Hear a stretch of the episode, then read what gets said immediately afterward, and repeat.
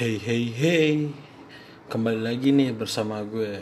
Oke kali ini kita akan membahas sampai tuntas nih Mengenai makanan sushi. Pasti dari kalian sudah nggak asing lagi kan dengan Nama makanan ini.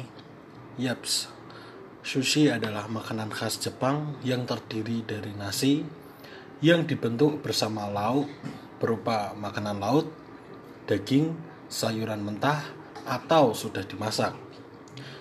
Nasi sushi mempunyai rasa masam yang lembut karena dibumbui campuran cuka beras, garam, dan gula. Asal-usul kata sushi adalah kata sifat untuk rasa masam yang ditulis dengan huruf kanji sushi.